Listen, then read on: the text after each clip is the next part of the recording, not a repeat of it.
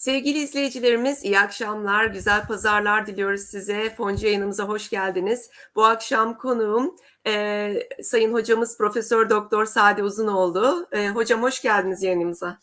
Teşekkür ederim hocam. İyi yayınlar diliyorum. Umarım güzel bir e, yayın geçecek. İnşallah hocam e, eminim öyle olacak. E, biz e, şimdi öncelikle hem küresel piyasaları hem de bizim borsa tarafını ve içeriği konuşalım istiyoruz bu yayınımızda. Evet. Ben size öncelikle bu en son Merkez Bankası'nın kararlarını e, sormak isterim. Tabii en e, sıcak haberlerden birisi bu. Zorunlu karşılıkların işte e, değiştirilmiş olması ve işte kredi kullanımıyla bankaların kredi kullandırılması ile ilgili getirilmiş olan zorunluluk. Biraz hani bunların piyasalara etkisi nasıl olur? Siz nasıl değerlendiriyorsunuz? Yani buradan bir şey çıkar mı? Gerçekten bu yapılabilir mi? Hani zorunlu karşılıkları anlıyorum ama hani devlet kağıdı Alman karşılığında kredi verebilirsini e, özel bankalara da uygulayabilirler mi? Yoksa bu sadece devlet bankalarıyla sınırlı kalır mı hocam? Şöyle e, söyleyeyim. Biz zorunlu karşılık deyince daha çok biliyorsunuz e, anlatırken yükümlülükler üzerinden bir zorunlu karşılık. Yani mevduat topluyorsa veya dışarıdan kredi alıyorsa, e, bir yerden kaynak temin ediyorsa bunlar karşılığında bir zorunlu karşılık ayrılırdı. E, şimdi farklı bir şey e, getirildi e, sistem olarak. E, dediler ki e, efendim bundan sonra verdiğiniz krediler üzerinden de karşılık ayıracaksınız dediler. Şimdi o karşılıklardan da vazgeçtiler. E, orayı sıfırladılar. Ama e, bu kez bizim eskiden disponibilite vardı hocam. E, siz hatırlamazsınız belki e, o disponibilite e, konusunu. E, eskiden disponibiliteler vardı. Yani bankalar yükümlülükleri üzerinden hem zorunlu karşılık hem de disponibilite e, ayırırlardı. Disponibiliteyi de devlet iş borçlanma senetlerinden tutarlardı e, tabii ki bankalar özel olarak bunlardan tutmak zorunda olduğu için aslında devlet kendisine de bir pazar yaratmış olurdu. Yani satacağı kağıtları daha uygun koşullarda satmanın yolunu bu şekilde açmış e, oluyordu. Çünkü bankalar e, belli o zaman tabii bir de e, tarih sınırlamaları da hatırlıyorum. İşte şu kadar vadesinde şu kadar kalmış e, kamu kağıtları tutmanız lazım hazine kağıtları diye. E, bu kağıtlara da talep e, hazırlamış oluyorlardı. Doğal olarak hazine ucuz e, yöntemle borçlanmanın yolunu e, açmıştı. Şimdi buradaki e, yani şunu yapabilirsiniz. Zorunlu karşılık oranlarını daha da yükseltebilirlerdi yükümlülükler üzerinden ama bu yöntemi e, benimsedikleri zaman şunu görüyoruz. Sen kredi vermek istiyorsan e, o zaman e, sadece özel kesime vermeyeceksin bana da kredi vereceksin diyor. Çünkü sonuçta devletin hazine bonosu, devlet tahvilini alan e, banka aslında hazineye ne vermiş oluyor? Kredi vermiş oluyor. Yani paranın hepsini yani bankanın yaratacağı paranın hepsini ben e, piyasaya kaptırmam. E, bir bölümünü de e, bana vereceksin diye bir zorlama e, getiriyor burada. Bir zorunluluk getiriyor. E, özel bankalara da uygularlar hocam. Hiçbir problem yok. Bence bütün bankacılık sistemine e, bunu e, uygularlar ve e, tabii ki sonuçlar olur. E, eğer bankalar kredi vermeye istekliyse e, sadece özel kesime değil aynı zamanda devlete de kredi verecekler e, demektir. Fakat özel kesimin özellikle e, zaten son dönemlerde çok da fazla kredi vermeye hevesli olmadığını e, görüyoruz. Aslında e, devlet de çok istemiyor. Hazine de e, veyahut da e, ekonomi yönetimi de aslında çok fazla kredi verilmesini istemiyor. Çünkü ciddi bir cari açık problemimiz var. Fakat e, diyor ki e, hazine yani her yere kredi verme.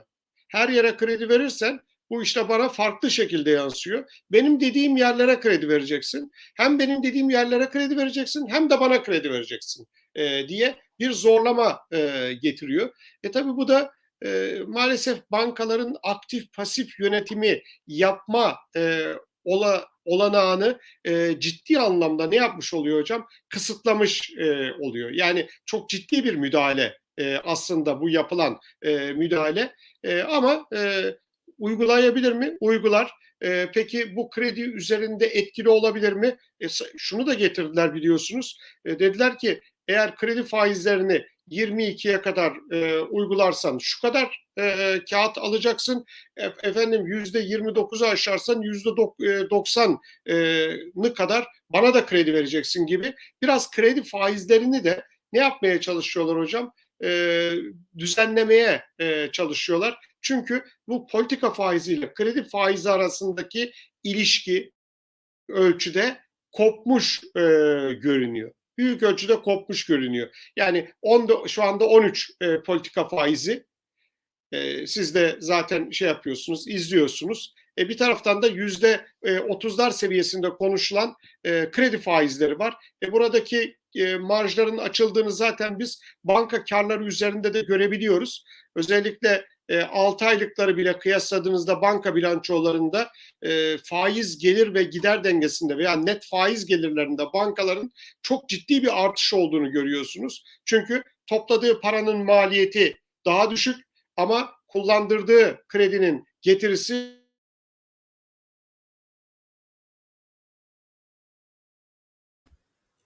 E, hocamızın galiba internetinde bir sorun oldu.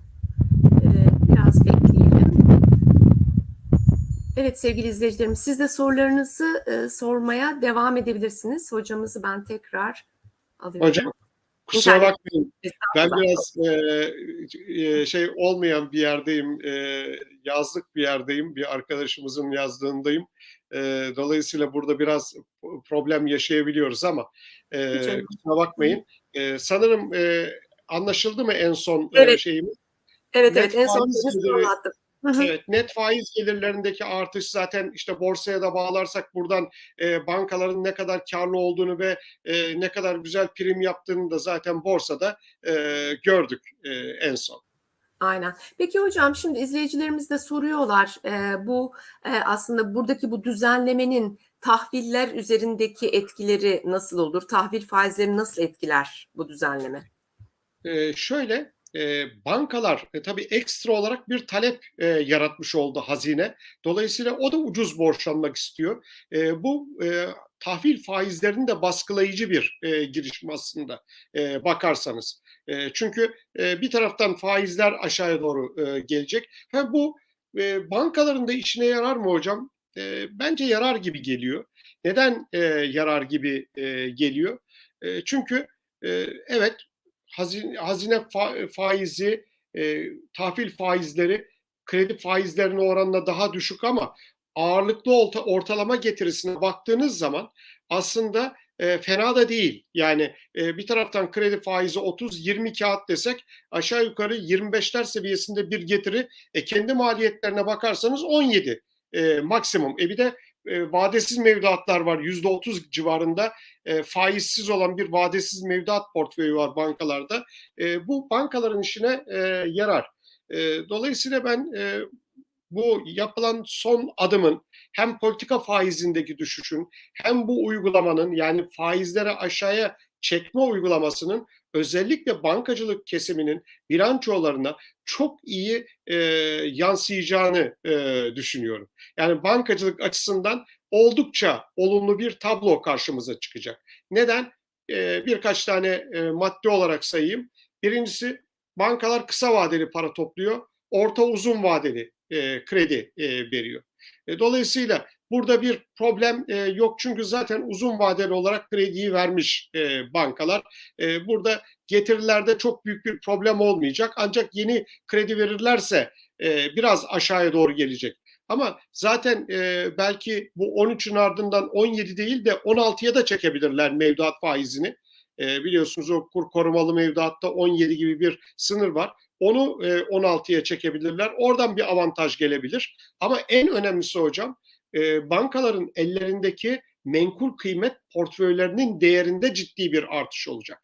Yani değerleme yaptıkları zaman e, varlık fiyatlarını yeniden değerlediklerinde çok ciddi bir varlık e, fiyatında artış e, göreceğiz. E, bu da tabii ki bankacılık sektörünün özellikle aktif kalitesi açısından, aktif e, açısından baktığımızda son derece e, pozitif diye düşünebilirim. Yani alınan kararlar aslında bankacılığı evet bir yönde e, baskılıyor ama kimin işine yarıyor sonuçta dediğin zaman tekrar e, muhasebesel anlamda, fiyatlama anlamında baktığımızda yine bankacılık e, sektörünün işine yarayan e, kararlar e, bunlar hocam.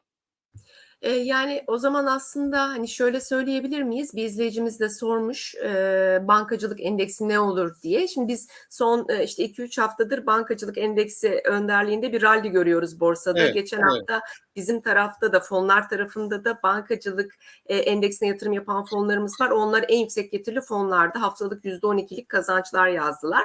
Eee, yani bu, ııı, durum, eee, bu kararla birlikte rally bitti mi diye sormuş, eee, izleyicimiz Ücretsiz Akademi. Eee, bundan sonrasında, hani, bir sonraki bilançolar açıklandığında tekrar bankacılıkta bu kârların etkisini görebilir miyiz hocam? Eee, hocam tabii, eee, rally bitti mi bitmez mi? Bu şimdi biz, eee, burada, eee, işin, eee, olması gerektiği yönü, eee, tartışıyoruz. Eee, bu nasıl yansıyabilir diye, eee, söylüyoruz. Tabii rally olur olmaz o, eee, başka dinamikler var çünkü işin içinde, eee, borsada. Eee, dolayısıyla onu bir kenara bırakarak yanıtlayacağım. Ben eylül bilançolarının da, çok, bozulacağını düşünmüyorum. Çünkü bankacılık sektöründe batık kredi oranı, haziranda yanılmıyorsam 2.2,5'lar seviyesinde. %2,5 gibi NPL var, bankacılık sektöründe. Bu da oldukça düşük bir, düzey. Bir de bizim, özellikle bankaların kullandırdığı kredilere baktığımızda hocam daha çok, eee, çok büyük kredilere, eee, yönlenmiş durumda. Yani toplam kredilerin %55'i çok büyük şirketlere kullandırılıyor. Yani KOBİ dediğimiz, eee, kesime kullandırılan kredi %25 civarında bir, eee, rakam.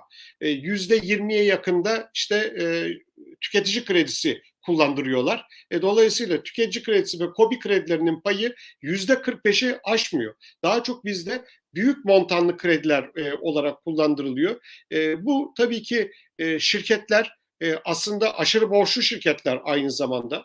E, doğal olarak bu kredileri almak zorundalar. Yani rol etmek zorundalar.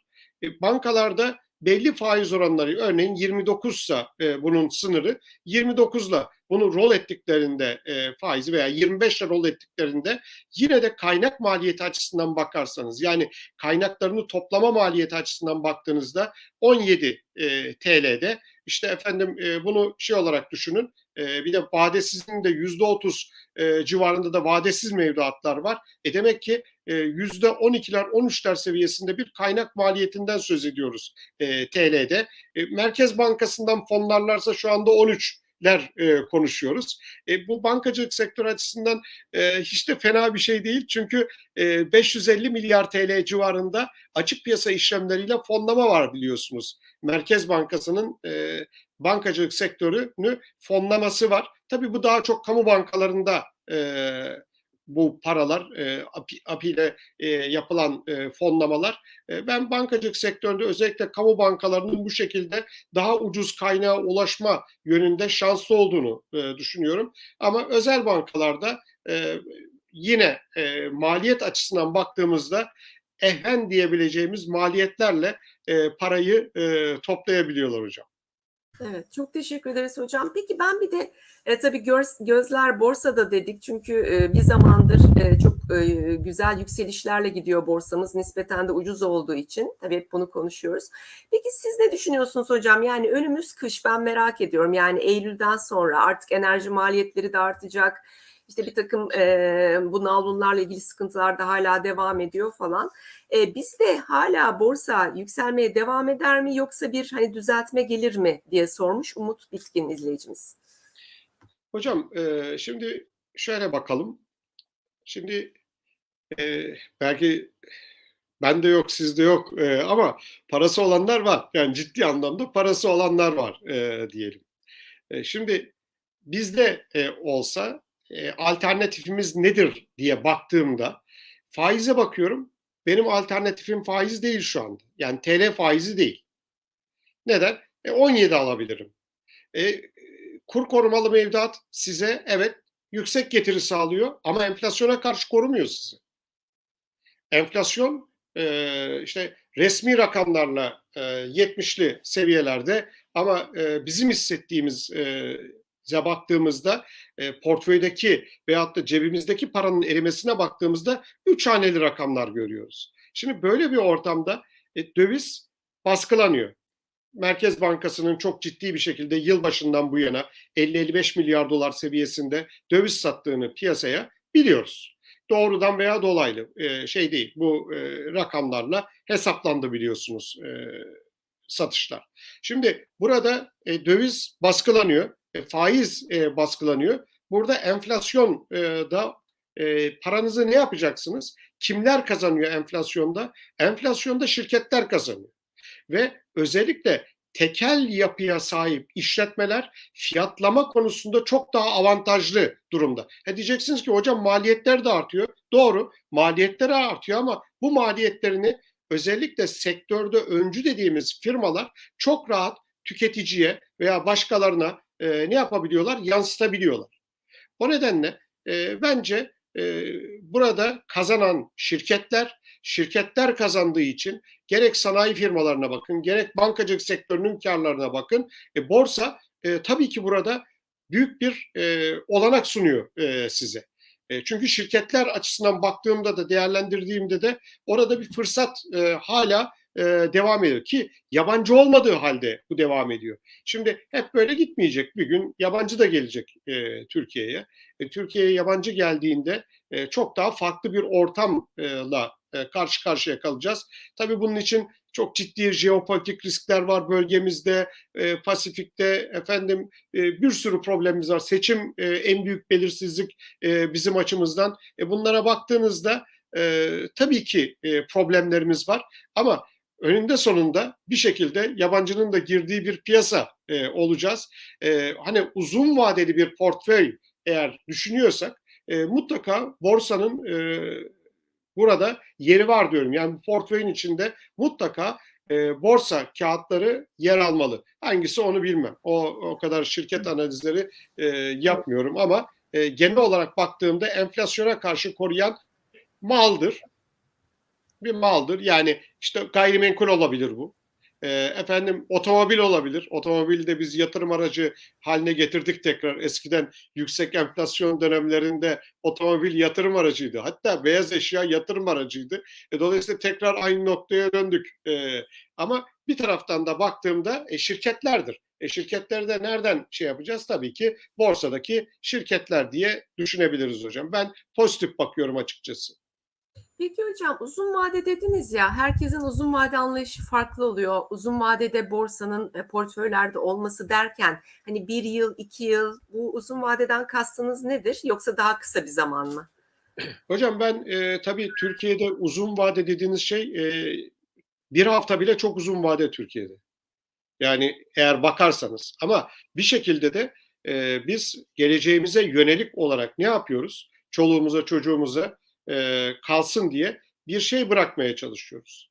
Yani orta kesim dediğimiz veya üst gelir grubu dediğimiz kesim en azından tasarruf ediyor. Belli bir portföyü var. Tabii ki bunlar belli bir profesyonel e, şirketler tarafından yönlendiriliyor. İşte e,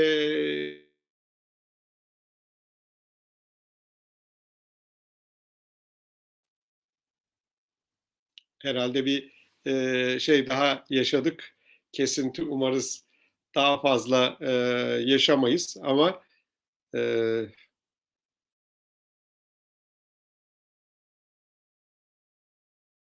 Ee, en son şirketler yönlendiriyor demiştiniz. Sade hocam sesim geliyor mu? evet, hocam arada e, böyle e, gidiyor e, sanırım şey e, işte in, ya biz neyi tartışıyoruz? E, hala Türkiye'de internet altyapısını kuramadık. Anlatabildim mi? Yani işte 4.5G diyoruz.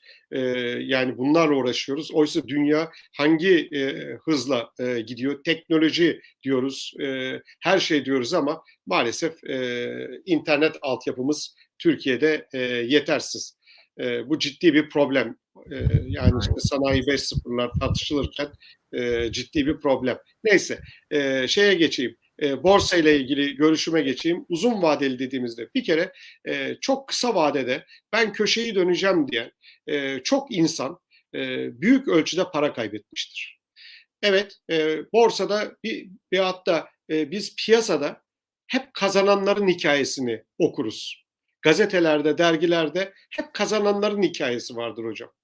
Ama hiç kaybedenlerin hikayesi anlatılmaz. Onlar böyle kendi aralarında konuşulur. Eyvah o kağıttan ne kadar dayak yedim veya döviz aldım işte şu kadar yüksek fiyattan buradan dayak yedim. Hep bunlar kendi aramızda konuşulur ama e, hiçbir zaman manşetlere çıkmaz. Hep biz kazananları konuşuruz. İşte şuraya yatırmış kazanmış. Tamam da o 100 kişi de bir kişi veya 100 kişi de iki kişi. Burada önemli olan uzun vadeden kastım e, belli bir e, işte halka açıklık oranında dikkate alarak tabii ki borsa hisse senedi diyorsanız eğer çocuğunuza bir 10 yıl BES yapıyorsanız örneğin 10 yıl e, sonrasını görüyor musunuz? E, kimse 10 yıl sonrası için tabii ki belirsizlik çok yüksek 10 yıl sonrası için de. Biz dediğim gibi bir hafta bile uzun e, ülkemizde ama e, 10 yıl BES'e e, para yatırıyorsak o zaman e, biz 10 yıllıkta şirketlerimize para yatırabilmeliyiz. 30 yıl demiyorum bakın. Çünkü şirketlerimizin ömrü 30 yıl değil bizim ortalamada. E, Dolayısıyla ama bir 10 yılı en azından bu şirketlerin yaşayacağını, halka açıklık oranları, büyük şirketler yani hani böyle çok speküle olmuş, halka açıklık oranı çok düşmüş, e, düşük, e, kendi kağıdını almış e, bu tür şirketler değil de e, yani büyük piyasa derinliği yüksek olan e, şirketleri e, bence e, çok uzun vadeli olarak aynı BES gibi e, ne yapabiliriz? Değerlendirebiliriz. E, bunun için de fonlar da var. Hisse senedi fonları var. Çok iyi yöneten arkadaşlar da var. E, dolayısıyla bunlara danışarak 5 yıl, 10 yıl vadeli projeksiyonlarla parayı burada buralarda değerlendirebiliriz. Yani bence bir problem yok bunda. Evet. Biraz daha kısa vadeli bir soru var aslında. Caner Çolak'ın sorusu. Diyor ki Caner Bey çok da haklı olarak aslında son çeyrekte diyor turizmin yavaşlaması, e, tarım sezonunun bitmesiyle dolar girdisi haliyle azalacak ve enflasyon evet. körüklenecek diyor. Bu bağlamda ne yapalım e, diye sormuş Caner Bey. Ne dersiniz hocam? Şimdi ben Eylül'e kadar e, bu işin idare edileceğini düşünüyorum. Eylül'e kadar. Zaten dikkat ederseniz Eylül e, tarihini verdim e, size. Eylül'den sonra ben e, özellikle Avrupa'daki durgunluğun e, yoğunlaşacağını, derinleşeceğini e, ve Avrupa'ya yapılan ihracatta ciddi sıkıntılar e, yaşayacağımızı düşünenlerdenim. Şu anda bile belli sektörlerde bunlar yaşanmaya başladı. Bunları araştırmak lazım. İhracat iklim endeksine de baktığınızda zaten e, yavaş yavaş bir bozulma görüyoruz. Yine arkadaşımızın söylediği şey çok doğru. E, turizm mevsimi Eylül gelecek. Eylül'de turizmde e, bitecek ve bizim bir de dış borç ödemelerimiz var. Eylül'de yüklü dış borç ödemelerimiz geliyor. E, bir de işte 40 milyar dolara yakın bir cari açığımız var biliyorsunuz hocam yıllık bazda bakılırsa. E, artı üzerine bir de 182 milyar dolarda kısa vadeli bir dış borç çevirmek zorunda olan bir ülkeyiz. İkisini toplarsanız 220 milyar dolar yapıyor.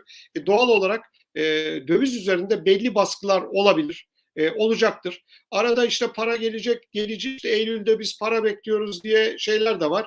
İşte 20 milyar dolar buldunuz. 20 milyar dolar hani e, Türkiye'yi e, böyle çok büyük ölçüde rahatlatacak bir para değil e, 20 milyar dolar. Dediğim gibi bizim 220 milyar dolar kısa vadeli borç ve cari açıktan kaynaklanan e, finansman ihtiyacımız var.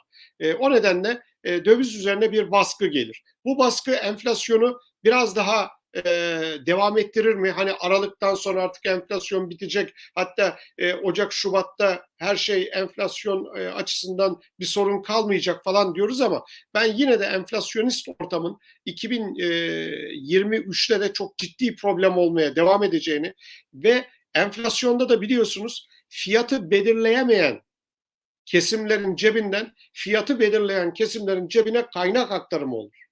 Bu kaynak aktarımı da kime olur? Şirketlerin cebine olur.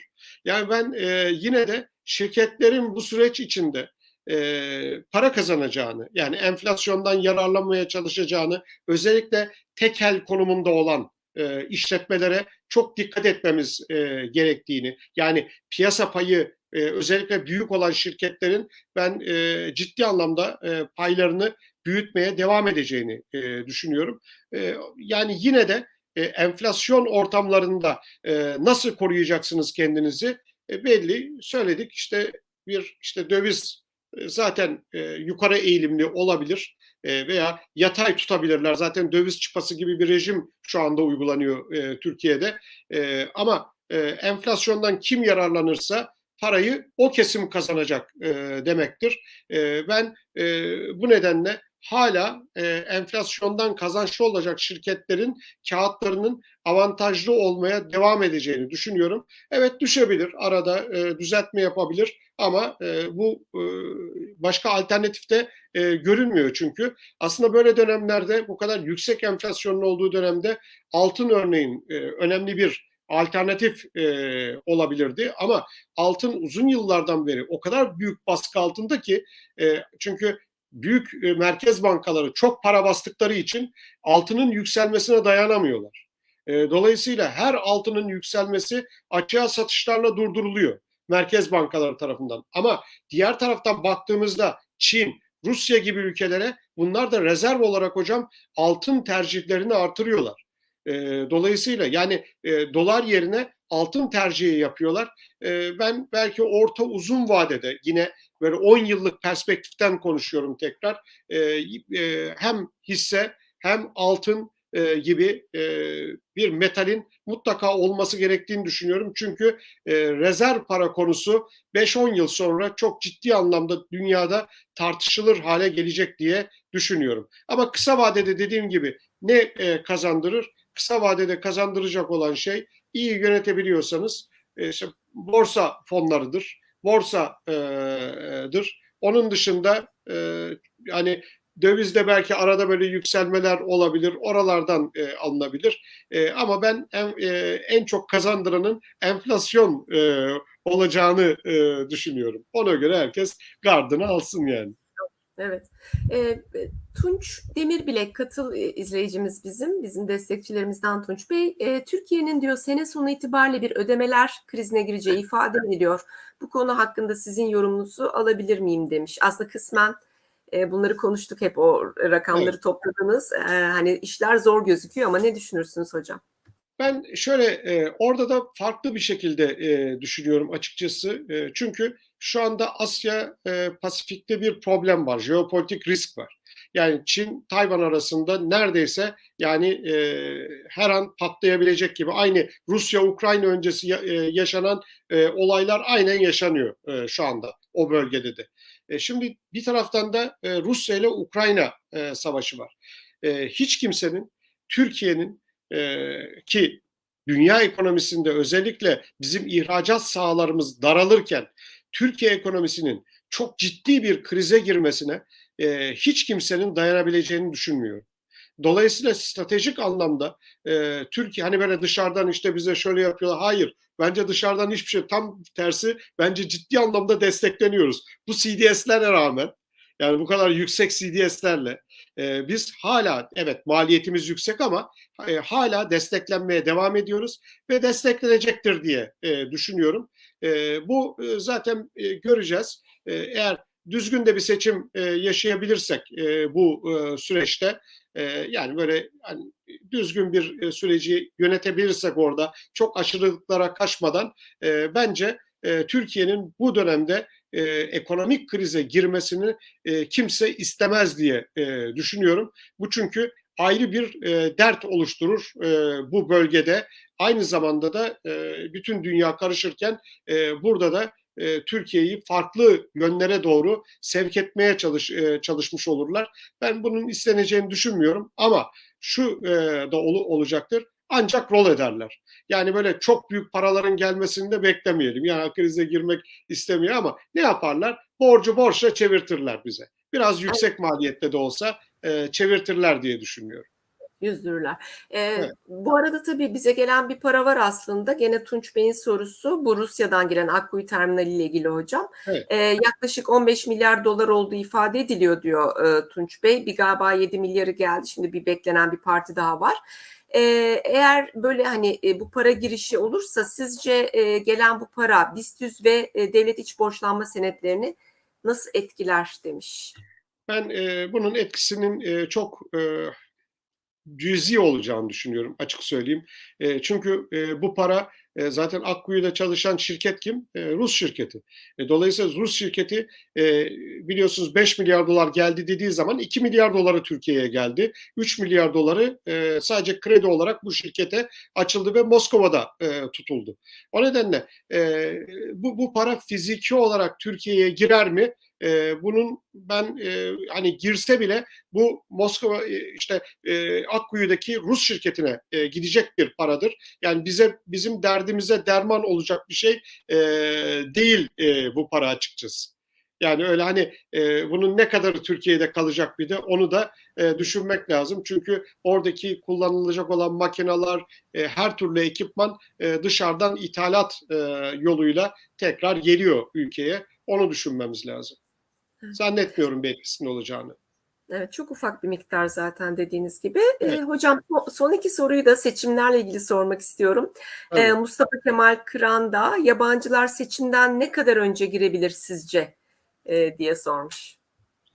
E, vallahi şimdi, e, orada e, anketlere bakacağız. E, bence anketlere bakın. Anketlere göre e, siz karar vereceksiniz zaten ne zaman girip e, çıkacağını. E, yeter ki dediğim gibi e, istikrarlı bir e, seçim aşırılıklara kaçmadan e, bir seçim e, yaşanırsa e, bence e, burada ya, e, en azından yabancı da e, Türkiye'ye ilgisini artıracaktır diye e, söyleyebilirim e, size. Evet. Ee, bir de Gökhan Ekinci'nin çok haklı bir sorusu var. Seçim sonunda ekonominin doğru yönetileceğini düşünürsek diyor. Bir varsayım yapalım. Evet. Ülkemiz ne kadar sürede kendini toparlar? Ne zaman biz 2010'lardaki alım gücümüze geliriz? Hepimizin sorusu herhalde bu. Ya e, ben ciddi problemimiz olduğunu düşünüyorum. E, yani sorunlar birikiyor aslında. Çünkü çözülmesi gereken sorunlar hep bir dahaki iktidara e, şu anda kalıyor. İşte kur korumalı mevduat örneğin. E şimdi burada e, kur artışı otomatik olarak e, kur artışları devlet tarafından yani hazine tarafından ödenen e, paralar. E, 60 milyar TL oldu e, şimdiden. Tarım sübvansiyonlarına geçti e, ülkede. E şimdi seçimden sonra gelecek olan hükümet e, kim gelecekse fark etmez. A partisi, B partisi.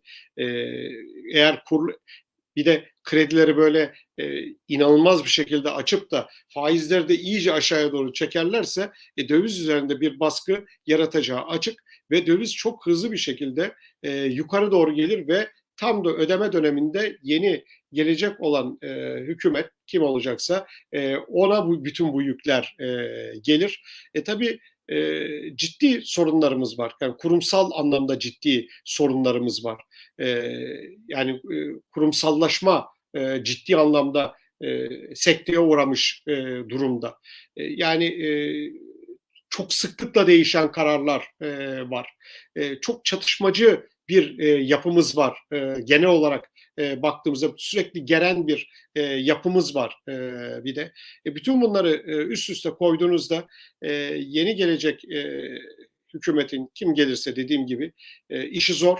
E, bir süre daha e, aynı e, hani 2001 krizinden sonra yaşadığımız bir e, kapsamlı program gibi bir kapsamlı programın mutlaka ilan edilmesi ve en azından 2-3 yıl e, bunun ciddi bir şekilde taviz verilmeden e, sürdürülmesi gerekiyor ki ancak bu şekilde çözelim. Çünkü e, gerçekten üretim envanterimiz nedir? Tarımda envanterimiz nedir? E, bunların da ben e, tekrar oturup tartışılacağını e, düşünüyorum. Enflasyon e, hesaplamalarımızı belki yeniden gözden geçireceğiz. E, şimdi iç talep ciddi anlamda darbe yedi. Çok ciddi yoksullaştı. E, orta kesim aşağıya doğru kaydı. E, şimdi bu kesimi biz hala e, bu enflasyon rakamı üzerinden iyileştirme yaptığımızda ücret olarak en azından e, bu e, iç talebin iyice e, çökmesi anlamına gelecek. E, zaten dış talepte problem varsa iç talepte çökerse bu sefer bizim işletmelerimizde çok ağır e, problemler ortaya çıkacak hocam.